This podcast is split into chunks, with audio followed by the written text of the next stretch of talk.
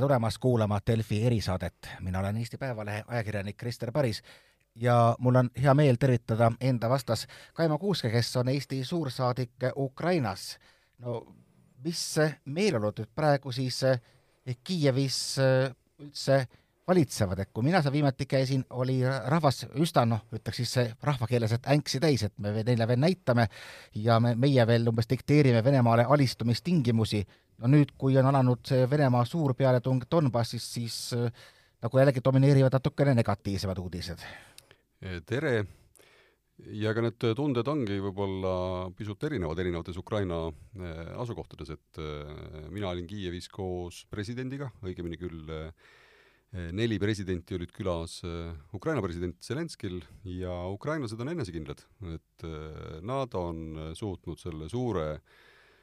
suure esimese laine vastu pidada väga korralikult, surunud venelased Kiievi ümbert välja, Tšernihivist välja, Suumist välja, ka Harkivi ümbert tagasi nii et neil on, nagu sa ütlesid, seda äksi jagub ja, ja noh, relvastust on ka juurde vaikselt hakanud tulema, nii et et, et seda neil on ja see läbirääkimiste teema, et nemad dikteerivad tingimused. ega nagu nad ise ütlesid, ukrainlased, pärast Butšat ongi väga keeruline läbi rääkida. et, et tavaline ukrainlane ei taha tegelikult üldse, et riigi valitsus räägiks Vene omadega läbi.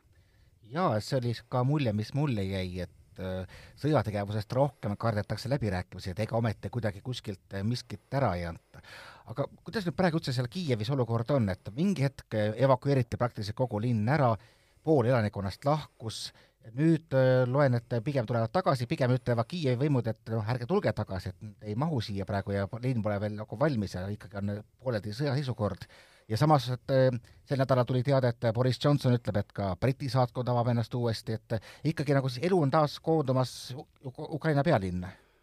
Tasapisi tullakse tagasi, et nüüd on ka ju tegelikult lääne piiril on nii, et äh, juba mitmendat päeva järjest äh, Poola piirivalve siis ütleb, et Ukrainast välja tuleb juba vähem inimesi, kui läheb Ukrainasse tagasi sisse. Et äh, inimesed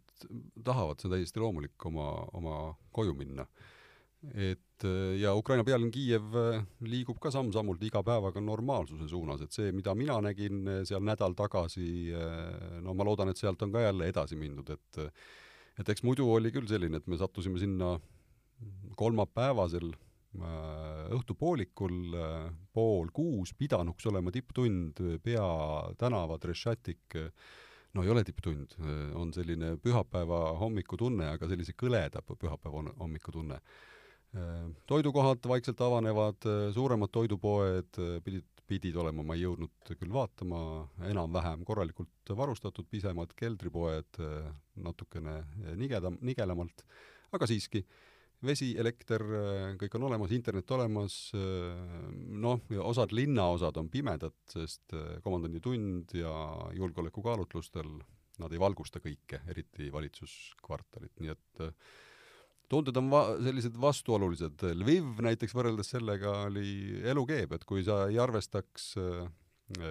neid kontrollpunkte, kui sa ei arvestaks liivakotte akende ees ja äh, ja kirikute kinni kaetud äh, vitraaže. ikka, ikka sedasama komandanditundi. ja ikka komandanditundi ja õhuhäireid, äh, mis tõmbab ikka lihast ja luust läbi, kui see undamine jälle tuleb ja ja paljudel inimestel on ta ju ka äpina telefonis ja nii et istud kuskil kohvikus sees ja, ja hakkab saagima, et see on üsna ebamugav tegelikult. kuidas selle diplomaatilise esindusega on, ma vaatasin mingeid kaarte, et väga suur hulk vähemalt siis Ukraina toetajatest on oma diplomaatilise esinduse taastanud seal pisut ka jälle samamoodi, iga päevaga samm-sammult täismahuni jõudmine, seda ei julge prognoosidagi, et et esindused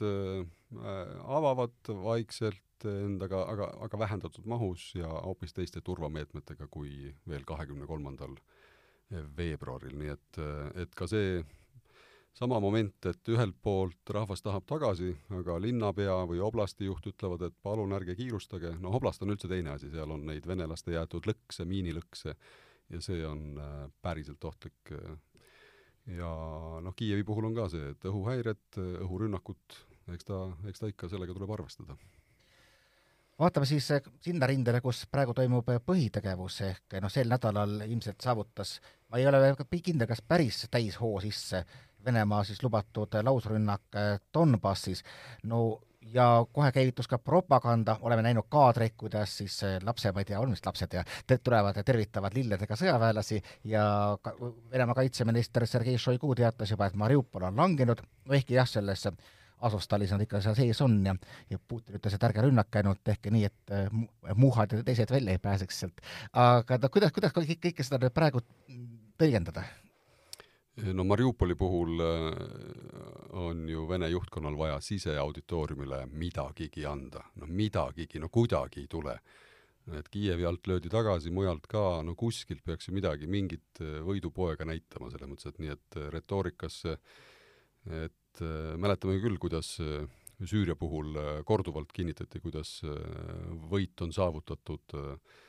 no ukrainlased teevad neile seal Süüriat, ma arvan, hoopis tagurpidi. et, et see Azovstal ukrainlased on maailmameistrid ju hoonete enda käes hoidmises, Donbassis, Donetski lennuväli rohkem kui kakssada nelikümmend päeva ja, ja ka siis mindi sealt välja nii, et et, et saadi veel välja mingi, mingi hulgaga ukrainlaste puhul, nii et et noh, tuline seal on muidugi. kas see ongi mingisugune märk sellest, missugused noh, tuleviku või ütleme, kaasaja sõjad on, et tegelikult nii-öelda asustatud punkte ära võtta on peaaegu et võimatu? suuri asustatud punkte ongi, ongi väga keeruline ära võtta. et, et see on ju täiesti teistmoodi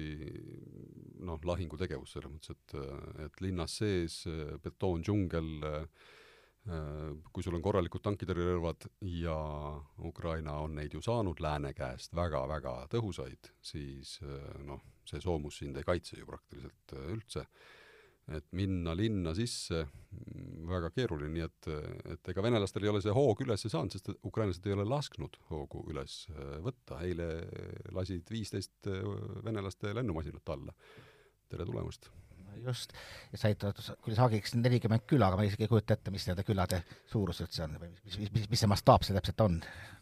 jaa, seal äh, need on väga pisikesed, et, et kui me mõtleme Ukraina mõttes küla peale, et Ukraina mõttes linn, Eesti mõttes linn, noh, need on, suurusjärgud on erinevad, nii et see küla ei tohiks väga suur olla tegelikult seal ka no kui me räägime, et linnades on, on raske võidelda, siis no kui ma ise käisin seal kuskil Donbassis, ma nagu panin, ütlesin ka, et see, see maastik on justkui nagu kaitseks loodud, et sellised ilusad lauged mäed ja puha, no ma olen küll vaadanud, et mõnedki sõjaväeeksperdid ütlevad, et no see päris nii ei ole, et noh, mets oleks ikkagi parem, et sealt ikka tuleb soomusväega läbi, kui vaja on, kui, kui, kui hea see, seda kaitsta on ukrainlastel? no jälle asust-, asustatud punktid on tegelikult need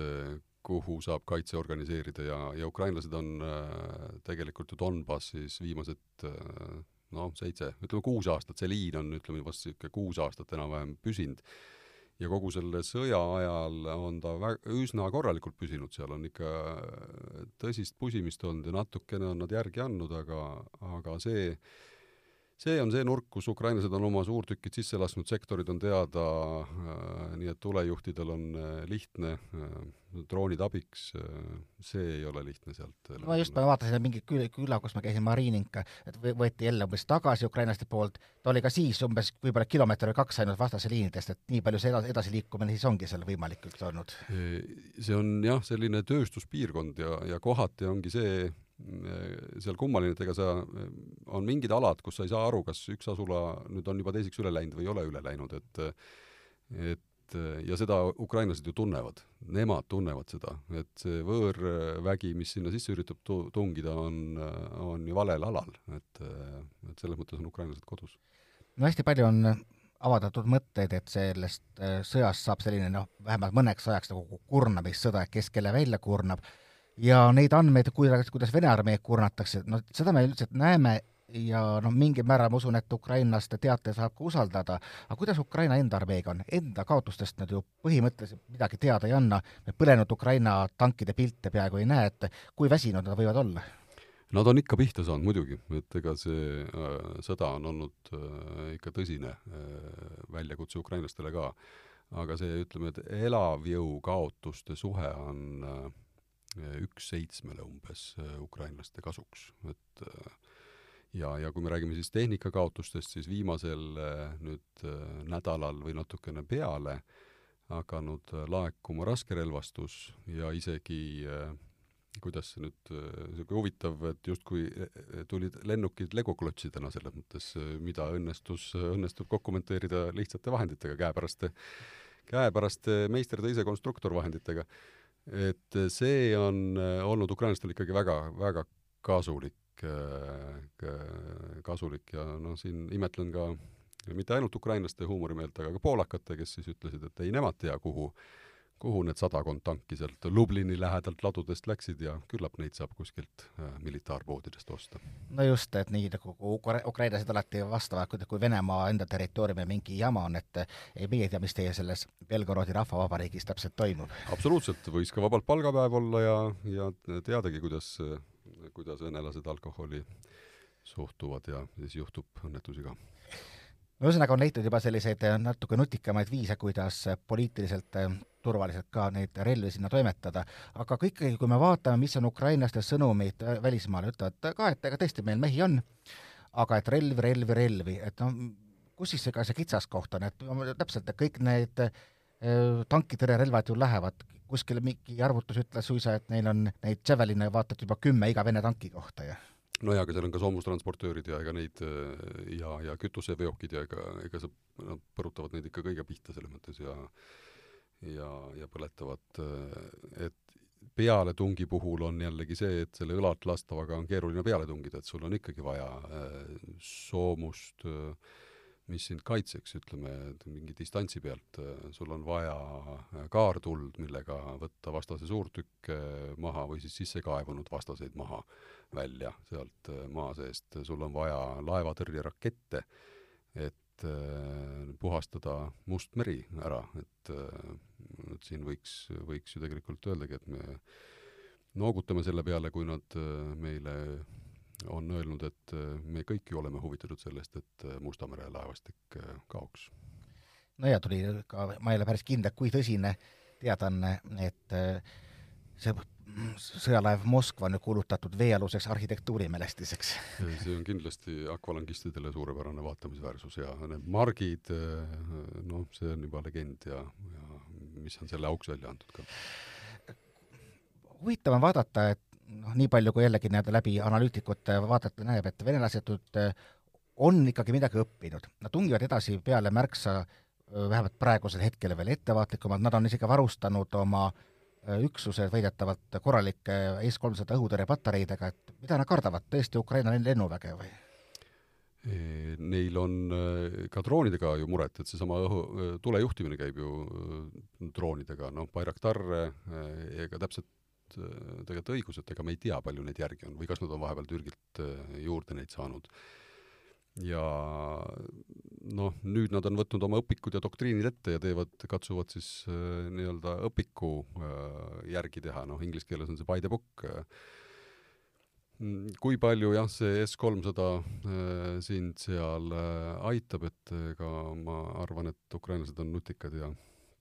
ja, ja kohandavad enda käitumist ka vastavalt sellele lõigule, äh, mis neil vastas on. nii et see, et äh, venelased said endale uueks juhatajaks nii-öelda Süüria lihunikku, see, see ei pruugi neid kokkuvõttes ikkagi liiga palju aidata. no jah, sest et vastas ei ole süürlased öö, oma AK seitsmekümne neljadega, et või neljakümne seitsmetega, et öö, ukrainlastel on need ka, aga ukrainlastel on veel palju rohkem, ukrainlastel on öö, korralik öö, juhtimisahel, toimiv koostöö erinevate väeliikide vahel, see on hoopis midagi muud, nii et, et eks tal saab väga keeruline olema kui sa rääkisid nendest äh, suhtarvudest, tuli kohe meelde äh, talvesõda ja seda on ju ka tihti, tihti võrreldud, aga lõpuks ikkagi ka Soome äh, nõustus ikkagi mitte kõige paremate rahutingimustega seetõttu, et tal oli nagu seesmiselt ikkagi oli nagu jõud otsa saanud, et no riik ei jõua selline, kes ei ole sõjaks tingimata valmistunud, lõpuni sõdida, et kuidas selle Ukrainaga nüüd on, et nüüd tuli värsked andmed, et Maailmapank ütleb, et on kuuskümmend, kuuekümne miljardi eest purustatud taristut, olen näinud ka, ka suuremaid numbreid, et see mingi hetk see peaks ju sõjaaja režiimis majandusel võhm täiesti otsa saama? ma arvan, et, et seekord on äh, vaba maailm üht-teist ajaloost õppinud. ja kui Soome jäi tookord ikkagi kaunikesti üksi, siis hetkel sellist tunnet ei ole, et Ukraina üksi jääks. et, et seda tuge nii relvade näol kui ka tegelikult majandustuge on, on ikka väga tugevalt tunda ja no see taristu koha pealt ongi see, et sa võid anda ühe numbri üks päev, aga homme on ta juba, eh, miinus jookseb peale, et, et see ongi, ongi karm lugu. Aga Ukrainaga on, on väga-väga suur, noh ikka hoomamatult suur, seda ma olen varem enne seda ka rääkinud, et asi, mis mind kogu aeg on hämmastanud, on see, see lihtsalt see skaala, mis seal on kuuskümmend miljardit, ukrainlased ise ütlevad sada miljardit, et et noh, inimeludest on kahju, sellest taristust, mida ma olen näinud seal, need hoonetest on kahju, noh, samas jälle Zelenski sõnu kasutades, et Ukraina oli varem ilus, et ehitame üles ja saab suurepäraseks, et ma saangi aru, et nad ikkagi päris palju ka noh, puhtalt nii-öelda eelarvelisi vahendeid praegu saavad siis piiri tagant? See on jah, et kaks nädalat tagasi Lvivis kohtusin Ukraina ase Ukraina Keskpanga asejuhiga ja rääkisime nendega ka äh, nendest kulutustest, miinusest, eelarve miinusest, kuna no maksu ei tule peale, nad ka ju, et üldse majandust käimas hoida, nad lasid äh, maksumäära kahe protsendi peale. Et maksulaekumisi lihtsalt ei ole ja sa, noh, nad ei saa ka oma vilja müüa, neil on elevaatorites üheksa miljardi dollari eest vilja, mida müüa, aga Odessas on sadamad kinni, ei ole võimalik. Et siis kulubki ära see tugi, mis tuleb äh, vaba maailma, ärme siis ütle lääs, kuna Jaapan on ka andnud näiteks või Austraalia, on andnud ka otse eelarvesse äh, raha, lihtsalt äh,, lihtsalt raha ja noh, sinna aitab seesama äh, arvenumbergi äh, Ukraina Keskpanga oma, kuhu saab teha ülekandeid Ukraina Kaitseväele või Sotsiaalministeeriumile. tunnistan, olen isegi teinud ülekandeid Ukraina Kaitseministeeriumile sinna. see vist ka seletab seda, kuidas on võimalik maksta, ma imestasin, kus üsna sõja alguses tuli teade, et makstakse umbes kolm tuhat dollarit kuus iga, igale, igale rindevõitlejale. Jah, kui on lahingtsoonis, siis on isegi tegelikult pisut rohkem kui lahingtsoonis ei ole, siis on tuhande kandis. et, äh, et ukrainlastel lisaks sellele, et sul on see tahe suur juba, juba niisama, et ei jäta okupeeritud alale oma peresid, et see asi tuleb ära vabastada, on ka majanduslik äh, pakett sealjuures. no räägimegi natukene nüüd viljast, et see on üks koht, mis teeb mitte ainult Euroopale, vaid, vaid kogu maailmale muret, et kui Euroopa saab kallima hinna eest ikka kõhu täis, siis muu maailm võib nälga jääda, et öeldakse, et on sõda, ei tule Venemaalt vilja, ei tule Ukrainast vilja, ukrainlased ise nüüd kuulutasid uhkelt välja esimesel aprillil, ma nägin uudist, öeldi, et me alustasime nüüd esimesel aprillil kahekümnes rajoonis külvamist, eelmisel aastal oli samal ajal viieteistkümnes, et selline ka väikene nagu propagandavõit, ja tõesti, Ukraina on suur, et seal neid kohti, kus noh, miine ega pomme põõdudel ei ole, on küllalt, tööjõuga on halvem, et kuidas see nüüd see praegu olukord on, et ühest küljest vili kasvab, teisest küljest on nad elevaatorites kinni? Vili on elevaatorites kinni, külvihooajad käivad, jah, okupeeritud aladel on muidugi, on sant selles mõttes, et Hersoon tegelikult üks põllumajandusoblasteid on ju okupeeritud. Mõkolajevi mingi osa on aeg-ajalt tule all, noh, Sumu ja Tšernihiv vajavad puhastamist, kuigi Sumu seal põhjas on tegelikult ala, kus on hoopis nafta- ja gaasimaardlad vili on elevaatorites ja see on, see on tõsine väljakutse just Aafrikale, et nad ise arvavad, et kakskümmend miljonit tonni on neil sügisel, pole vilja kuhugi panna. et nad nüüd presidentide visiidi ajal tegelikult pöördusidki poolakate ja, ja siis Balti presidentide poole, aidake palun rongidega läbi Balti sadamate vilja vedada ja nüüd äh, nutaks küll taga veel valmimata äh, Rail Balticut, sellepärast et kui vilja tuua Ukrainast, siis seal on vana Nõukogude see rööpalaius. Poolas on Euroopa oma, nii et sa pead vahepeal vahetama ära, mis on siis veermiku või, ja Leedu piiri peal uuesti, et äh, sest et sa tuled ju uuesti Nõukogude sinna rööpalaiuse peale tagasi et äh, kui oleks äh, Rail Baltica, noh, aga need on oleksid kõik, oi kuidas veaks ja saaks tekitada sadamatele käivet, mis Vene ja Valgevene kaupadest olemata on. mis toob jällegi huvitava küsimuse, et miskipärast nagu vanade sõdade põhjal eeldasin, et kõigepealt rünnatakse umbes raudteejaamu ja, ja raudteid, et see Venemaa siiamaani äh, üsna tagasihoidlikult, no tuli jälle mingi teade, et, et Dnipro juures ja kuskil seal Donbassis, aga üldiselt on mingil põhjusel venelased Vene, Ukraina taristut säilitanud, et miks küll huvitav?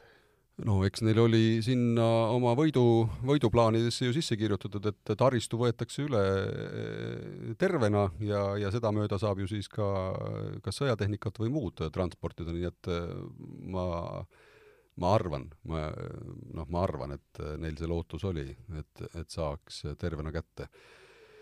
prognoos on, et nad võivad hakata seda taristut rohkem lõhkuma kas või sellesama takistamise pärast, et, et selliseid üksikuid rünnakuid raudteejaamade vastu ka,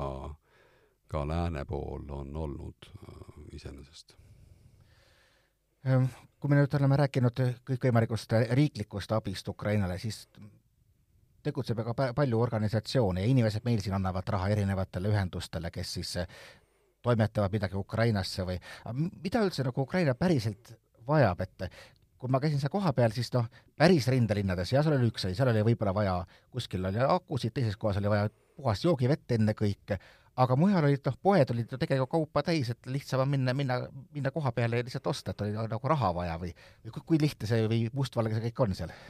Ta ei olegi mustvalge, ongi erinevad piirkonnad ja, ja Ukraina sees on, noh, me räägime siin sõjapõgenikest, palju on Eestisse jõudnud, üle kolmekümne tuhande juba üldse Ukrainast välja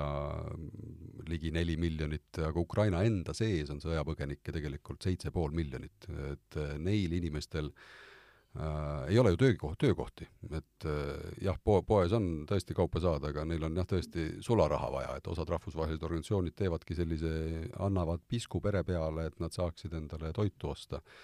toiduvajadus on samamoodi, on, on osad piirkonnad, äh, kuhu lihtsalt äh, logistika ei jõua, nad ei lähe sinna, sest et see on äh, liiga ohtlik, et, et piisavalt toiduga varustada mingeid piirkondi seal äh, noh, Harkivini välja, nüüd Suumusse saab minna, aga vahepeal ei olnud, ta oli ju ümber piiratud. mida neil mida neil vaja on veel, transpordivahendeid, noh, kiirabiautosid näiteks, mida meie Slava Ukraini organiseerib sinna viiskümmend kiirabiautot veel, et sinna veel see seitse Eesti riigi poolt annetatud, et varsti sada täis et neid, neid neil kulub äh, ja, ja samamoodi kastikaid neljarattaveoga äh, masinaid, et siin on äh, ühelt poolt riik, aga, aga teiselt poolt on väga kihvte nii-öelda eraalgatusi, kes neid sinna korraldavad. arstirohud on niisugused keerulisemad kraami, mida mida jälle on see, et, et rahvusvahelised firmad enam ei vii kohale, et siis on ka vaja neid sinna kas kohale kuidagi toimetada või, või, või siis või siis noh, leida mingid lahendused, noh, haavatud, et haiglad on neid täis, et kogu, kogu see kraam, esmaabikomplektid näiteks jällegi noh, et, et kohati on niisugune tunne, et turg on tühjaks ostetud noh, žguttidestki kaasaegsetest, et et, et jah, et siin võiks seda nimekirja vaikselt muudkui aga jätkata. kui hästi üldse Ukraina võimud oma sisepõgenikega hakkama saavad, et noh, mina käisin näiteks äh, pikemalt suhtlesin Krevi Rihis, äh, Zelenski sünnilinnas, seal oli ju nad umbes niimoodi, et ütlesid, et igaüks saab tööd, kes tahab ja, ja kõik on teretulnud, noh, teised muidugi ütlesid, et ei, Krevi Rih ikkagi on nagu pigem transiitkeskus, et sealt äh, tegelikult suurem osa liigub kuskile edasi ja ja kuhu nad üldse liiguvad siis, et? Nad liiguvad ju lääne poole või siis sinna, ütleme, e-, edela nurka seal Tsernevtsi kant, Ivano-Frankivsk, Uškorod äh,, need on rahulikud piirkonnad, rahulikumad kui Lviv tegelikult, noh, Lviv on äh, paisunud äh,, sellepärast äh, seal võib-olla niisugune ongi, et linn on äh,, linn keeb, linn on ummikutes tegelikult isegi. Et noh, traagiline on see, et osad neist inimesed liiguvad äh, selle kaheksa aasta jooksul juba teist korda, et nad on äh, tulnud ära Donetskist, äh, Luhanski oblastist, Krimmist on põgenenud ära, noh, Hersooni kuskile, nüüd peavad uuesti liikuma ja jah, neil tööd üht-teist kindlasti antakse ka erialast, kas sa erialast saad, no kõik ei suuda ja ei suuda, nad ei saa kaugtööd teha. aga, aga ma arvan, et need positiivsed sõnumid, mida ka sina kogesid seal, on, tulevad sellest, et riik toimib. tegelikult Ukraina riik toimib, toimib nii keskvalitsuse tasandil, toimib noh, kaitseväest rääkimata, aga toimib ka oblasti tasandil, et need nüüd kõik ümber nimetatud tsiviil-, militaar-, oblasti valitsused toimivad no meil siin ühe er erakonna juht just tõstatas küsimuse, et noh, et jällegi, et miks nad tulevad siia, et täpselt, et riik toimib, olgu Ukrainas, jah, miks nad tulevad üle piiri? Mass on nii suur, jälle me jõuame selle skaalani selles mõttes, et, et seitse pool miljonit on riigi sees. täna just äh, siia stuudiosse tulles, enne seda rääkisin äh, WHO juhiga Ukrainas ja, ja tema hinnang oli, et, et see liikvel olevate inimeste mass suureneb veelgi. ja see, ja see jõuab, jõuab varsti ühe kolmandikuni Ukraina rahvaarvust, ehk siis me räägime viieteistkümnest miljonist inimesest, kes on liikvel. viisteist miljonit, see on nagu kümme Eesti täit, et et, et see kaks miljonit, mis on Poolas kuidagi ja poolakad võtavad nad vastu, kaks miljonit on vastu võtnud noh, seitse pool miljonit on Ukrainas sees nii-öelda rinde pealt eest ära liikunud, et, et ma arvan, et et äh, oleme sõbralikud, oleme vastutulelikud, nad tegelikult tahavad ju tagasi, nagu ütlesin, et äh, nii kui vähegi võimalik, nad juba liiguvad. et see uus laine tuleks siis praegu sedasama Don-, Don-, Donbassi hoogustunud sõja pärast? see, see laine jah, kummitab sellepärast, et see, mis seal praegu toimub, no pi-, ütleme seal rindejoone linnad on veel, on veel mõõduka suurusega. Aga, aga kui see ikkagi ei peaks õnnestuma, siis seal on Zaporižžja, seal on Dnipro ees, nende kahe peale kokku on pea kaks miljonit, Odessa teisel pool, et noh, et tahaks loota, et see Äh, Vene Föderatsiooni haige ambitsioon neile endale hauda kaevab. võtame kokku, kuidas on Ukrainal siis ikkagi praegu noh, nii, rinde peal me saame alles näha, kuidas tal on selline noh, tegelikult ikkagi äh, seljatagune oma liitlastest, me näeme ka päris palju sellist nurisemist, et alguses äh, Zelenskõi ütles, et noh, pole võib-olla seda NATO-t vajagi, peeti võib-olla selliseks läbirääkimispositsiooniks, siis sai Saksa president ninanipsu, kui teda paluti mitte tulla koos Balti riikide presidentidega sinna, et eh, noh, kuidagi tundub, et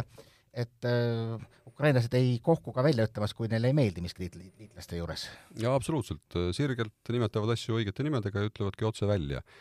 ja ega meil tulebki neist aru saada, et kui, kui inimesel, kui tal maja põleb ja ta küsib naabri käest äh, veevoolikut, ja talle antakse ämber. no ämber on hea, aga mõni pakub espressotassi, kohvitassi. no siis ajab ikka närvi küll, ma kujutan ette, mind küll ajaks. Ja, ja, ja siis ütleks ikka üsna otse ka. aitäh, Eesti suursaadik Ukrainas Kaimo Kuusk. mina olen Krister Paris Eesti Päevalehest ja jälle kuulmiseni siis uutes erisaadetes.